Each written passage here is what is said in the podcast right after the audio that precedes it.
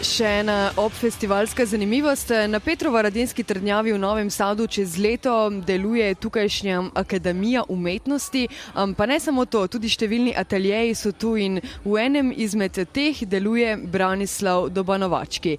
Na prizorišču festivala Exit tudi živi. Njegov atelje je v neposrednji bližini glavnega odra, na katerem se vsak večer v času festivala zbere več deset tisoč obiskovalcev. Gospoda je Gašper Andrinek ujel popolnoma popoldne med zalivanjem rož. Um, zanimalo ga je marsikaj, predvsem pa, kako preživi festivalske dneve in kako doživlja dogajanje v mestu.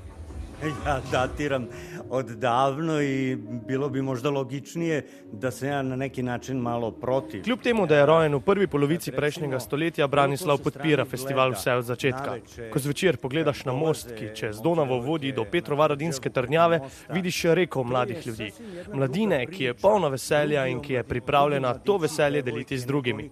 Kot pravi, ga veseli ta pogled. Predvsem, ker v mestu veliko krat vidi mladino, ki čez most množično koraka na športne prireditve.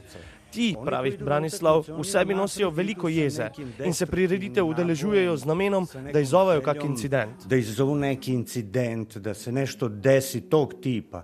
Ovi mladi Mislim, može ih svako videti in utvrđujejo, ni tu. Na Exitu je prav nasprotno. Zato je vesel festivala, ki vsako leto v mesto pripelje veliko mladih z vseh vetrov.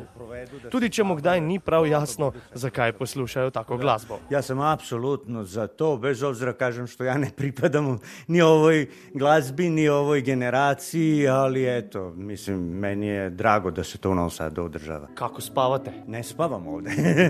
ne spavam ovde, čak ja imam i kućne ljubimce, imam dve mačke. Med festivalom se Branislav po noči preseli v mesto, kjer preživlja tudi zimske mesece. Trenutno so tam tudi njegovi mački, za kateri mora poskrbeti. Enkrat je poskušal prespati, vendar se mu je zaradi vibracij z glavnega odra postelja preveč tresla. Nemoguće, to sve toliko vibrira, čak gore, pošto mi je gore taj spalni dio, podvibrira, nemoguće je spavati. Branislav, kljub nepoznavanju tukajšnje glasbe, je vesel mladine vsako leto.